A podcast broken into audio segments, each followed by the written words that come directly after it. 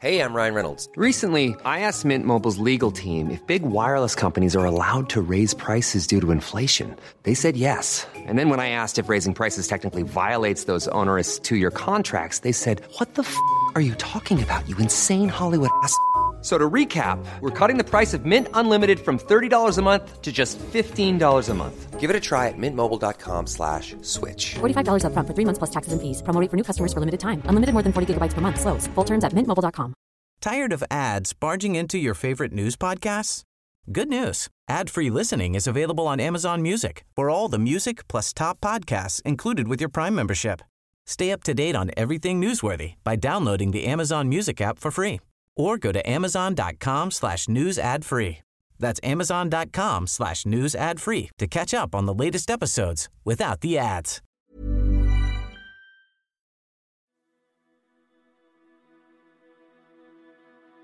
Hei, det er Eivind her. Som du kanskje har fått med deg, så kom det et alvorlig budskap fra Filippinene bare timer etter at forrige episode ble publisert. Søndag 8. januar ble Enevald Flåten lagt inn på sykehus på øya Leite, der han har bodd siden 2017. Og tirsdag 10. januar sovna han stille inn, ifølge kona Rose Flåten.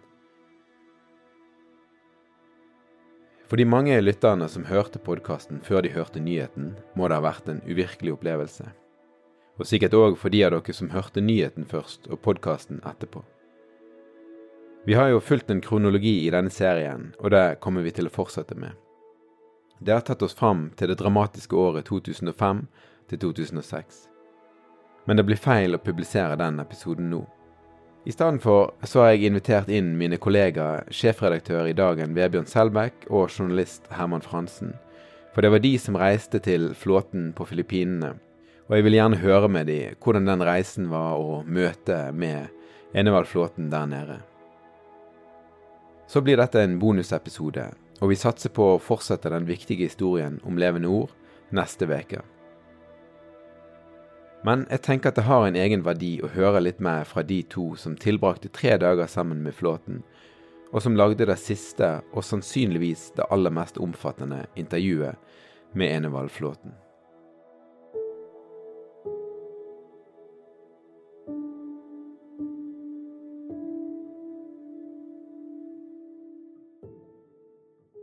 Hei, begge to.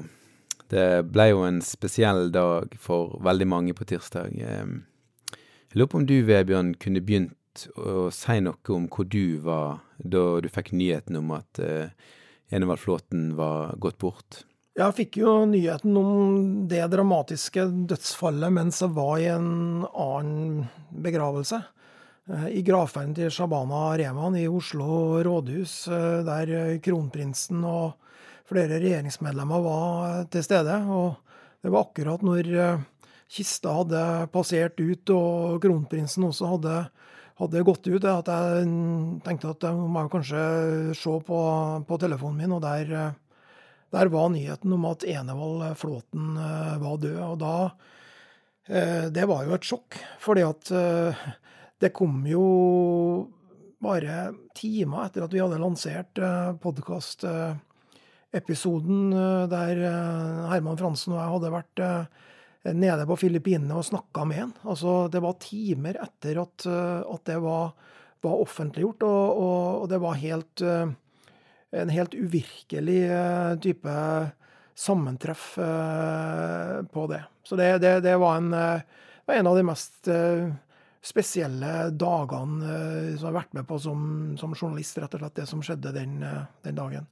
Så det var jo Jeg, jeg kommenterte dødsfallet til, og, og gravferda til Shabana Rehman foran pressekorpset som sto utenfor uh, Oslo rådhus da jeg gikk inn. Og når jeg gikk ut, så var jeg på telefonen med Bergens Tidende og kommenterte dødsfallet til Enevald Flåten. Så det var, det var, uh, det var helt surrealistisk, det som foregikk. Ja, det var en spesiell dag for, for veldig mange, og, og vanskelig å egentlig helt ta inn. Herman, hvordan var det for deg å få den meldingen, med tanke på at du òg eh, hadde kommet såpass tett på eh, flåten der på Bye Bye Filippinene? Det var jo veldig, veldig spesielt å, å høre. Jeg satt og spiste lunsj idet jeg fikk, fikk opplysningen, da, og Det er jo en litt sånn opplevelse som journalist at du bare får høre en sånn opplysning som gjør at uh, du bare reiser deg på automatikk og skjønner at nå, uh, nå, er det dette denne dagen og uken handler om, på en måte. Og, um, og Så jeg er jo i gang før jeg i det hele tatt har rukket å tenke, samtidig som det er, jeg har jo tusen spørsmål som, om hva som skjer, når skjedde dette, skjedde dette her uh, før eller etter dette, visst, burde vi visst om dette? Det, det, er tusen spørsmål og tusen tanker i hodet, eh, og så sånn, prøver jo jeg å få kontakt med familien og de og konen på Filippinene, og hun er jo i sjokk og tydelig opprørt, og det er utrolig mange følelser som går i, i hodet, samtidig som man prøver å gjøre en jobb, for det at her er det jo et behov for å, for å, informere offentligheten samtidig. Så det er veldig mye som skjer samtidig i en sånn situasjon. Det var helt spesielt å være med på. Mm, mm. Ja, jeg kjenner igjen den at eh, på den ene sida så er det de følelsene som dukker opp når du skjønner at Henevald Flåten faktisk er gått bort, og så er det det journalistiske som skjer parallelt. Men uh, sånn rent uh, faktamessig, hva veit vi om hva som skjedde, om forløpet? Det er jo ikke masse vi veit, men noe veit vi vel om hva som skjedde?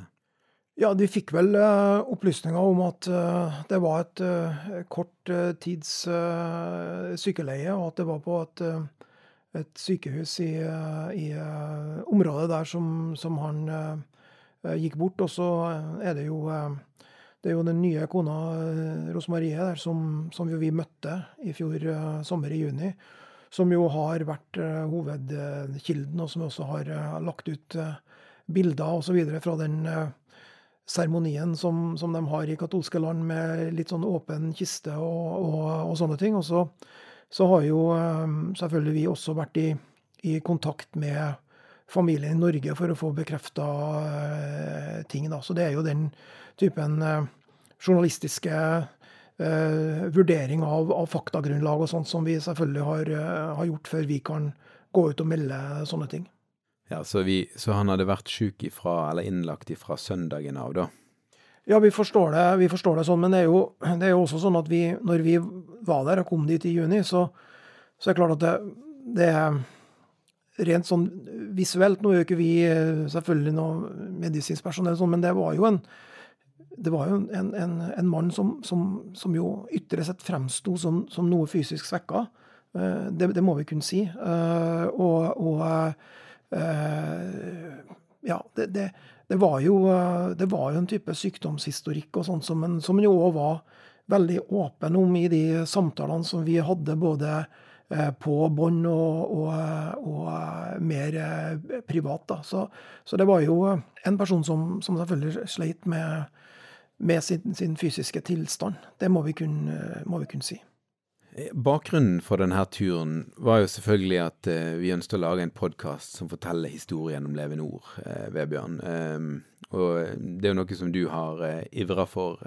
Så ble det til at du og Herman reiste i, stedet for meg, og det har jo ført til en unik dokumentasjon av intervjuet, både i form av lyd og bilde.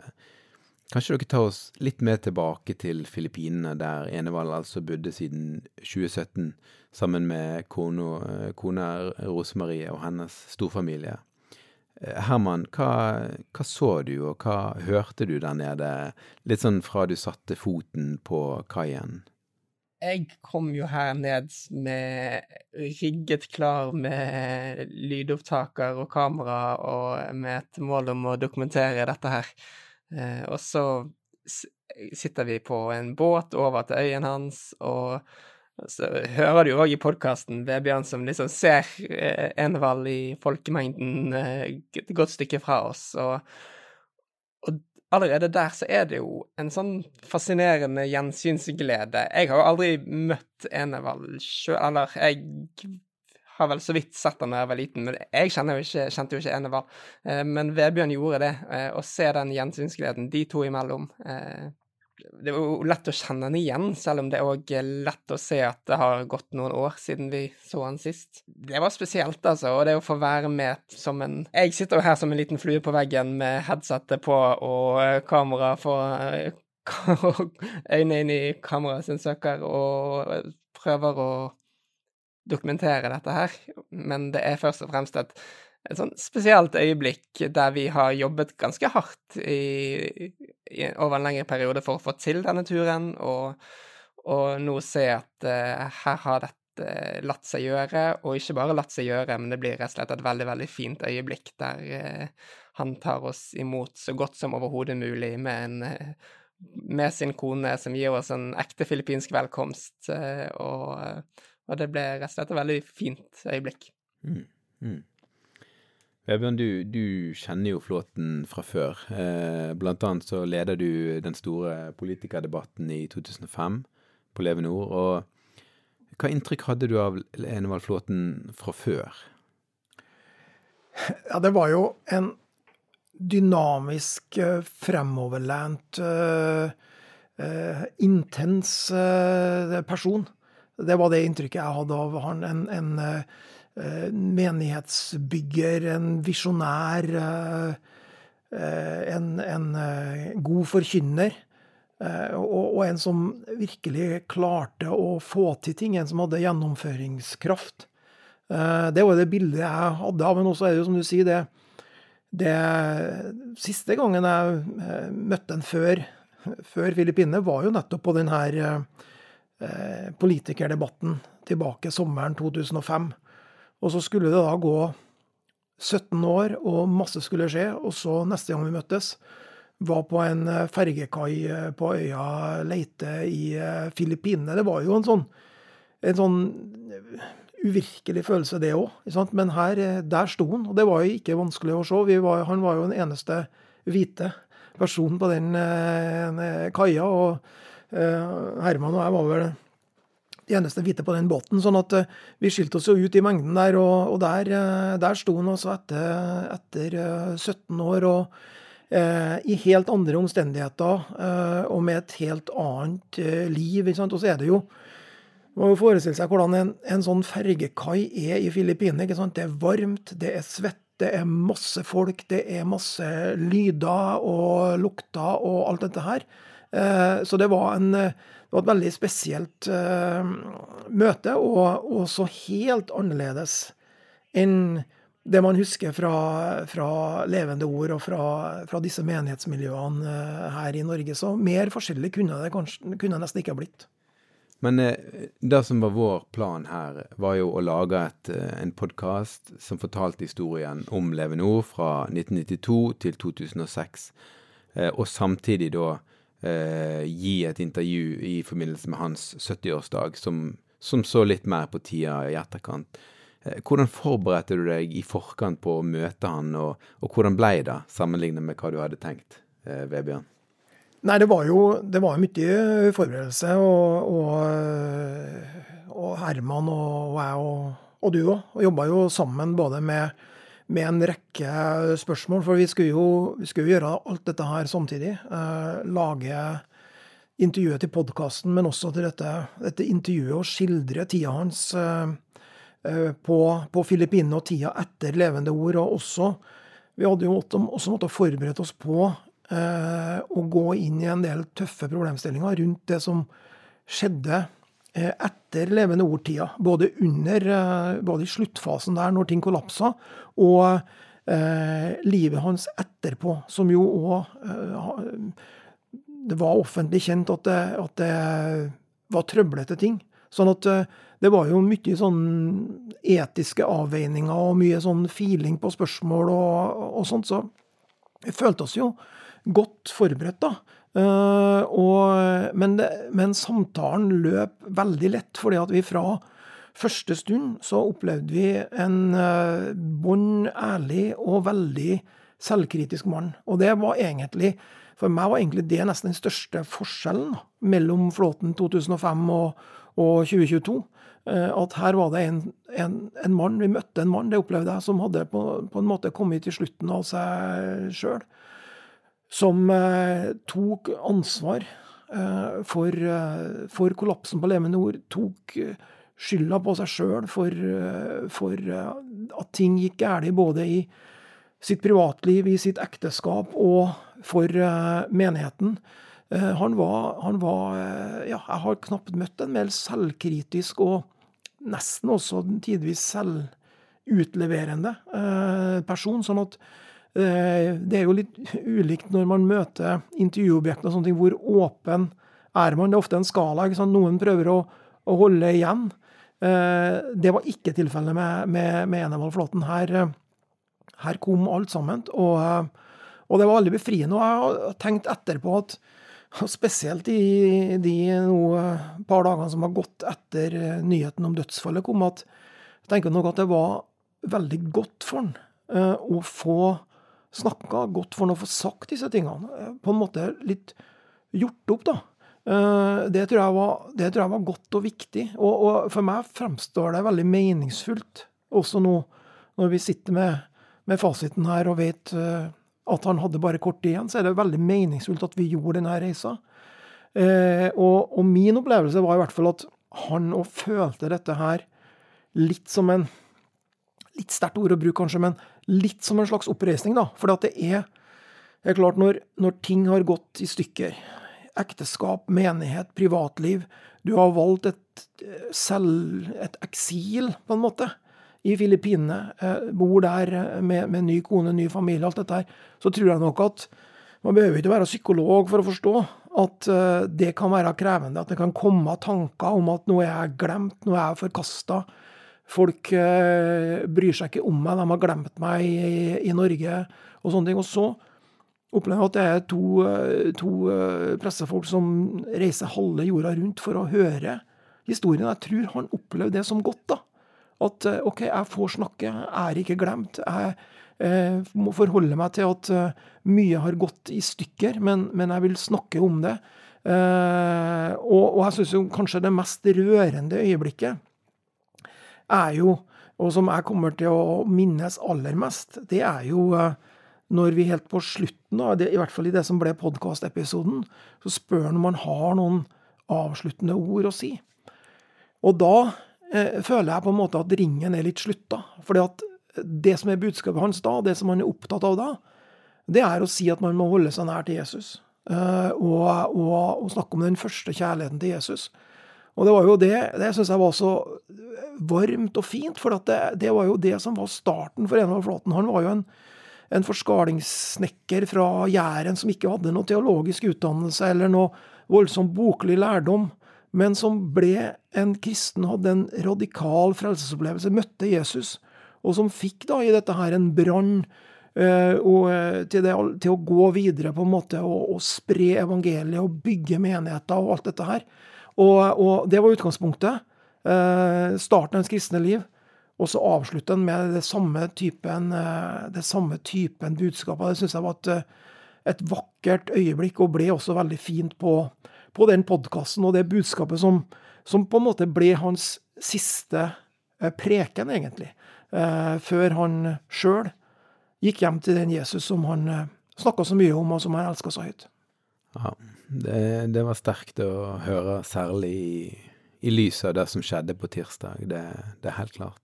Herman, du fikk jo observere samtalene, du fikk dokumentere de. Eh, hvordan og hvor foregikk samtalene som dere hadde, sånn helt konkret? Altså ifra, fra starten av. Dere var en del i hans heim, men dere var òg andre plasser? Det var jo sånn at når vi kom ned hit, så hadde Enevel egentlig satt av tre dager til oss. Han, så vidt jeg vet, så gjorde ikke han stort annet de tre dagene enn å eh, ta imot oss og prate med oss. Eh, og hadde god tid, hadde, og, og, vi eh, brukte den tiden veldig godt. Det var mye hjemme hans. Vi hadde en, en sånn hovedbolk på jeg tror det var omtrent tre timers opptak, eh, som er hvor mesteparten av det intervjuet som er i podkasten, ble gjort. Hvor han går ganske dypt inn i de krevende spørsmålene som vi har. Han er selvransakende. Og det blir, det blir en sår samtale. Det blir noen, noen punkter kan du høre en knappenål falle. Men han står i det, og han eh, er veldig til stede i det òg. Og så er det jo krevende ting å prate om, er, og vi merker jo at han blir fysisk sliten etterpå, og det tror jeg alle som alle kan ha forståelse for det å prate om såpass krevende ting over såpass lang tid. Eh, men så var det jo òg sånn at vi ble med han rundt. Han viste oss eh, byen der han bor i, han tar oss rundt på ulike steder der vi kan spise. Eh, han Så noe deler av intervjuet blir Eller vi har jo med opptakeren, så det kommer interessante samtaler opp når vi sitter i bil. Noe av det kanskje sterkeste i podkasten eller den forrige episoden av podkasten kommer mens vi satt på restauranten og spiste noe nydelig sjømat på strandkanten. og vi kommer inn på et tema og merker her må vi ta opp opptakeren, og så blir det en viktig prat der. Så i det at Vebjørn og Enevald snakker om eh, felles bekjente, om hvordan ting som, alt som har skjedd siden 2006, så kommer det opp stadig nye temaer som gjør at her er det bare å finne frem opptakeren og, og få med det som skjer, og en god del av det har blitt en del av podkasten òg.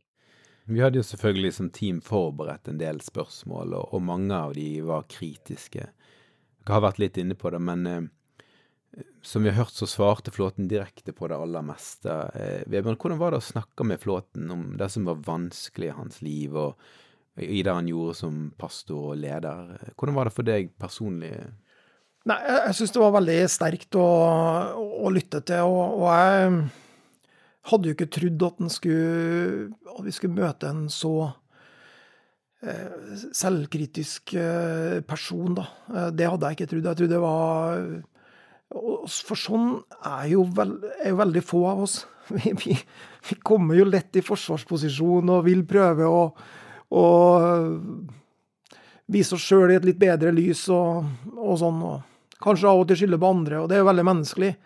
Men så ingenting av det hos Enevold. Og det var, det var veldig ja, veldig overraskende og egentlig veldig fint. da. Fordi eh, han tok på seg det fulle ansvaret. Han, og han snakka om altså, ting som er for en kristen også er, er vanskelig. Som f.eks. personlig stolthet. da. Som han snakka om, som, hadde, som han mente var en av de store problemene for han, at det hadde eh, fått slå rot. da, ikke sant, han eh, Fartsblindhet når ting vokste så fort og resultatene kom og alt dette her. Så satte han ord på at han følte seg uovervinnelig og, og, og alt dette her. Og det førte til at um, han også drev medarbeiderne sine helt uforsvarlig hardt. Og alt dette her erkjente han og tok ansvar for og ba om unnskyldning og, og tilgivelse for det i, i de samtalene som, som, vi hadde, og som vi også har, eh, har, publisert i intervjuet. Følte du at du på en måte fikk skikkelig svar på det du spurte om? Var det rom for å grave mer hvis du hadde behov for det? Ja, det følte jeg, og, vi, og det gjorde vi jo. Altså det er jo. Vi gikk jo mye utenfor manus selvfølgelig og fulgte opp uh, ting og, og, og, sånn når uh, når eh, vi ønska å få mer informasjon om visse ting. Og han, han var som en åpen bok og, og, svarte på, på, alt. Altså på Jeg har sjelden opplevd et så intervjuobjekt som har, som har delt så åpent, også om de veldig vanskelige tingene. Også om Utroskapen, f.eks., som jo eh, var en faktor, eh, og, og, som vi også har omtalt i det første intervjuet som ble publisert i forbindelse med 70-årsdagen hans. Han erkjenner disse tingene her, og, og det var jo sterke, sterke øyeblikk når, når han eh, snakka om sin tidligere kone, og, og sa jo det at uh, han fortsatt er glad i henne og fortsatt ber for henne og sånne ting. Og da da gråt jo han, og da var det litt vanskelig eh, å være eh, proff, tøff journalist med stoneface for uh, både meg og Herman nå, tror jeg. Det, det, var, det var sterke øyeblikk. Vårt prosjekt har vel vært å fortelle historien om levende ord, først og fremst. I, når vi tenker på podkasten, med Kilde som var der, og, og, og lytte til hvordan de tenker om den reisen i dag. Hvordan stilte Flåten seg til selve podkastprosjektet? Fikk du et inntrykk av da, Vebjørn? Ja, han, han syntes det var, eh, var bra at vi laga podkast. For vi presenterte jo hele ideen for han. At vi mener at, uh, levende ord er en del av norsk kirkehistorie. En, faktisk en viktig del. Det er en del ting som er helt unikt med levende ord. At uh, man i løpet av så kort tid bygde opp en så stor virksomhet, både nasjonalt og internasjonalt. Det er, det er unikt i norsk uh, sammenheng. Og det er klart, kollapsen er også unik, men levendeordet er mer enn det som skjedde noen vintermåneder i 2006. Det er hele eh, Levende Ord-prosjektet eh, vi har ønska, og hele Levende Ord-historien vi har ønska å fortelle. Eh, også fordi at den, den ja, fordi, rett og slett fordi den er så spektakulær. Og det var noe som han eh, identifiserte seg veldig med. Han eh, uttrykte at det satte han veldig pris på. Han òg mente at, at, dette her er, var så spesielt at, eh, at man burde fortelle hele historien. Både det som var positivt og det som var vanskelig. Og han bidro jo sjøl eh, med informasjon om, om, begge deler. Både om veksten og om fallet. Vi kan snakke litt om det som skjedde de dagene der dere var i Jeg sier bye bye, men dere sier Bye bye. bye, bye. Det var i hvert fall det de sa. Det er mulig at det er litt sånn trøndersk som kommer ja, inn her. Ja, ja, Men det er, det er da området eller øya eller Ja, det er byen da, som heter Bye Bye. Øya heter jo Leite. Sånn var det. Eh, men vi skal snakke litt om det som skjedde i de dagene der, der dere var hos, eh, hos Flåten. Dere, for, dere fikk være med til ei, ei kirke eller en menighet i nærområdet med en spesiell historie. For eh, det var den gang han kom i, i 2017, så var det ikke første gang Flåten hadde vært i området. Kanskje vi kan begynne med Herman, og så kan du fylle litt ut, Vebjørn? Ja, for det var jo ikke helt tilfeldig at Enevald endte i Bye Bye. Han har vært der før, han har vært der flere ganger i, som, i, som misjonær på Filippinene mens han var på Levenor, og før det òg, tror jeg. Og, så han kjente jo godt til området, og de fortalte jo òg Han fortalte jo hvordan han møtte sin nye kone, Rosemary, som var, var gjennom en bekjent som han fra den tiden han var misjonær på Filippinene, som er ganske langt bak i tid. Eh, men de møttes, eh, begynte å prate på nett, og han eh, flyttet ned til Filippinene etter hvert, da. Så det er jo òg et lag i denne historien som gjør det veldig interessant at han har endt opp et av de stedene der tjenesten hans begynte, eller i hvert fall et sted som var viktig i den tidlige fasen av hans tjeneste. Og så har det blitt hans eh, sted der han egentlig er i eksil og har eh, prøvd å skape en ny hverdag som han har det godt i.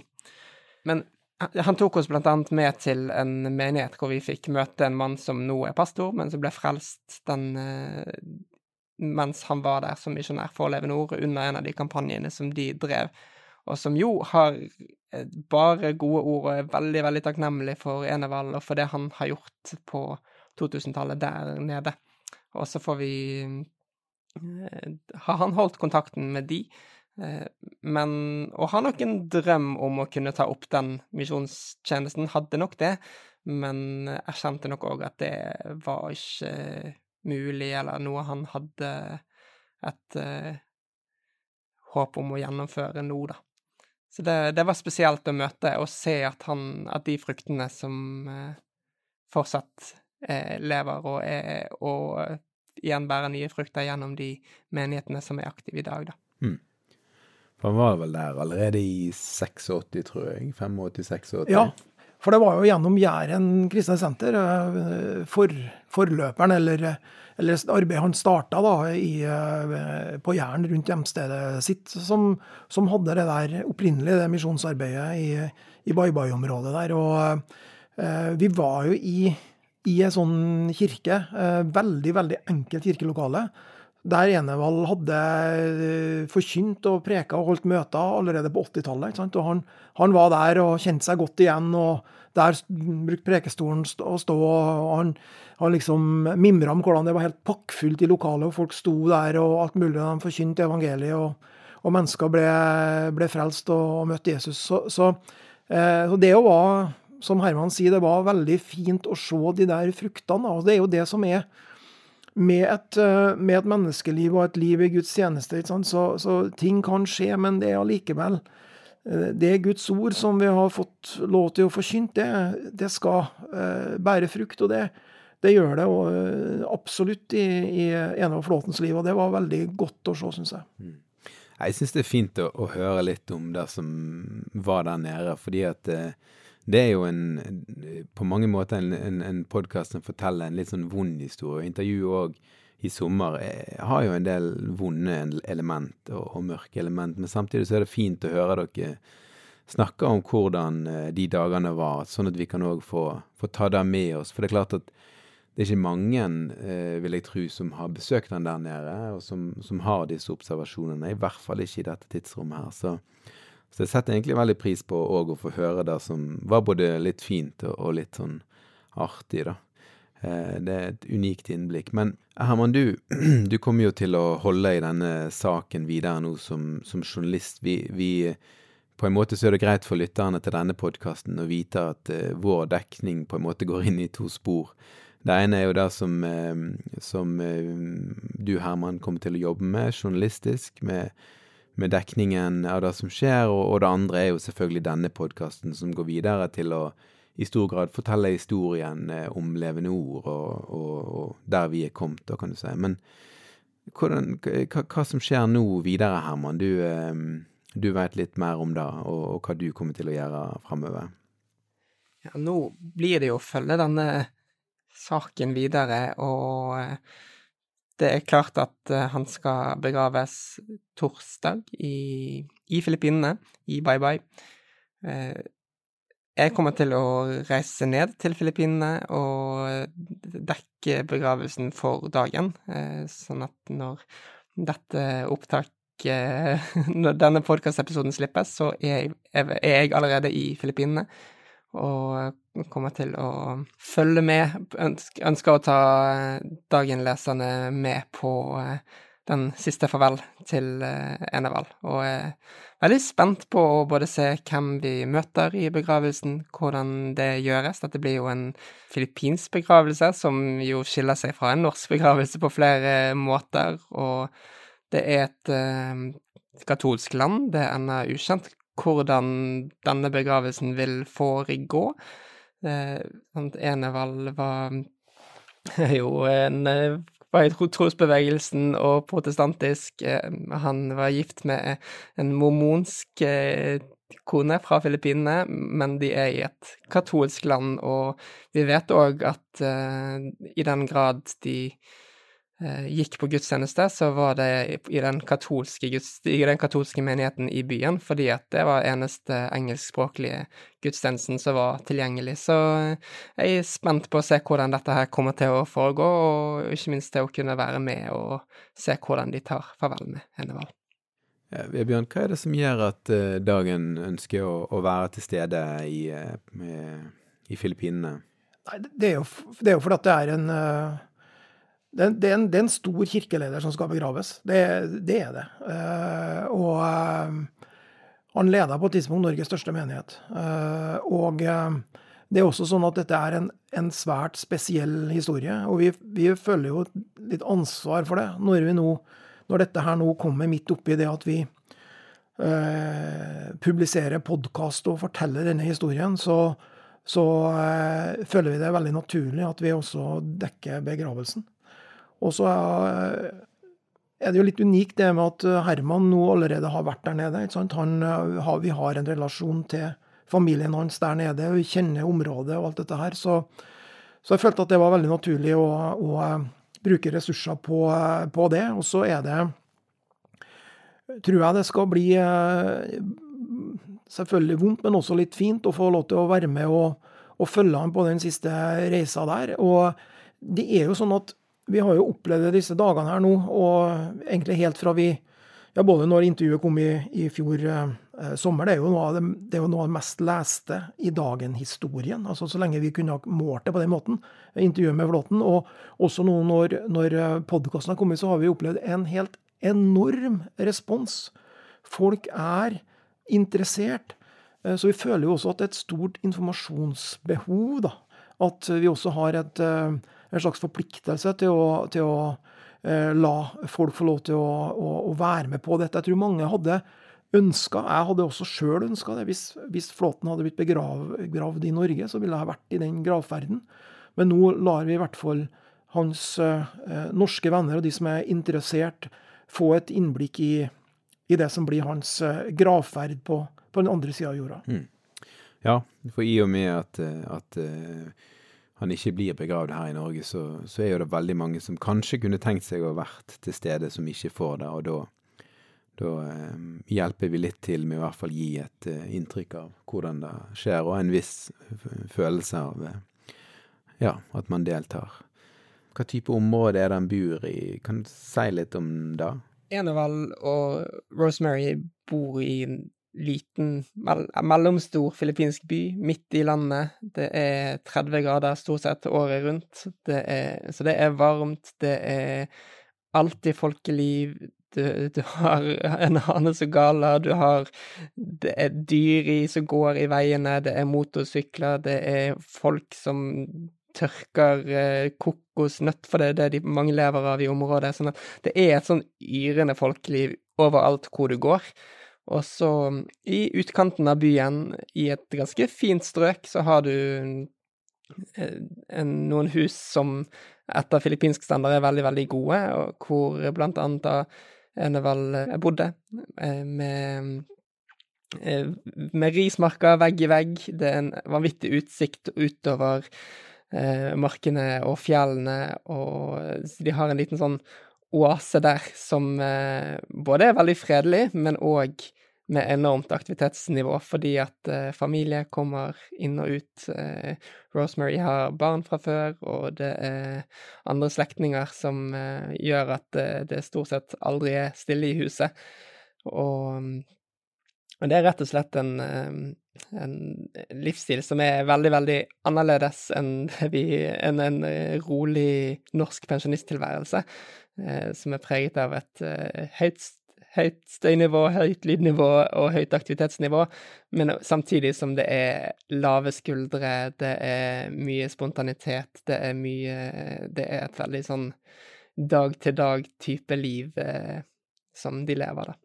Eh, det var en ting som jeg eh, leste eh, og hørte om. Altså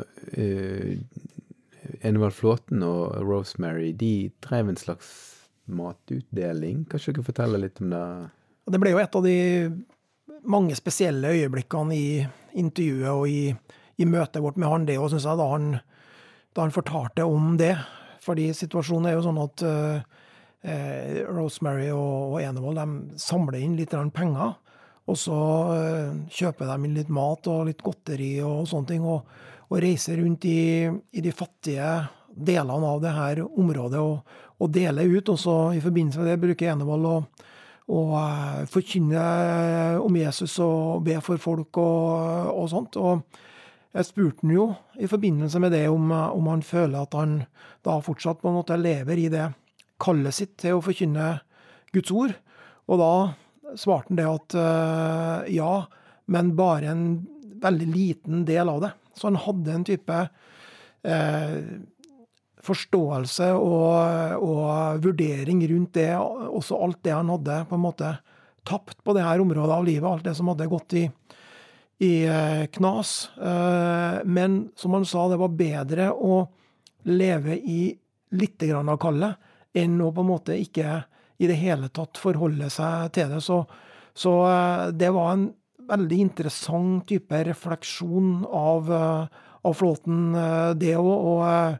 Det sier noen ting om en, det òg, at dette er en mann som ja, er klar over eh, også sine feilsteg, men ønsker å gjøre det beste ut av situasjonen og ønsker å være trofast og, og følge kallet sitt i den grad det er mulig å gjøre det. Så det var et, et av mange varme øyeblikk.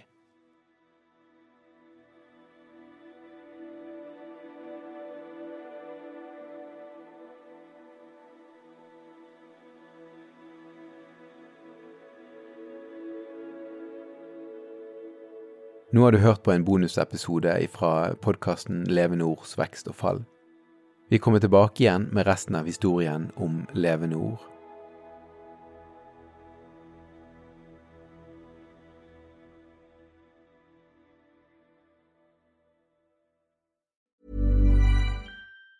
Tired of ads barging into your favorite news podcasts? Good news. Ad-free listening is available on Amazon Music for all the music plus top podcasts included with your Prime membership. Stay up to date on everything newsworthy by downloading the Amazon Music app for free or go to amazon.com slash news ad free. That's amazon.com slash news ad free to catch up on the latest episodes without the ads.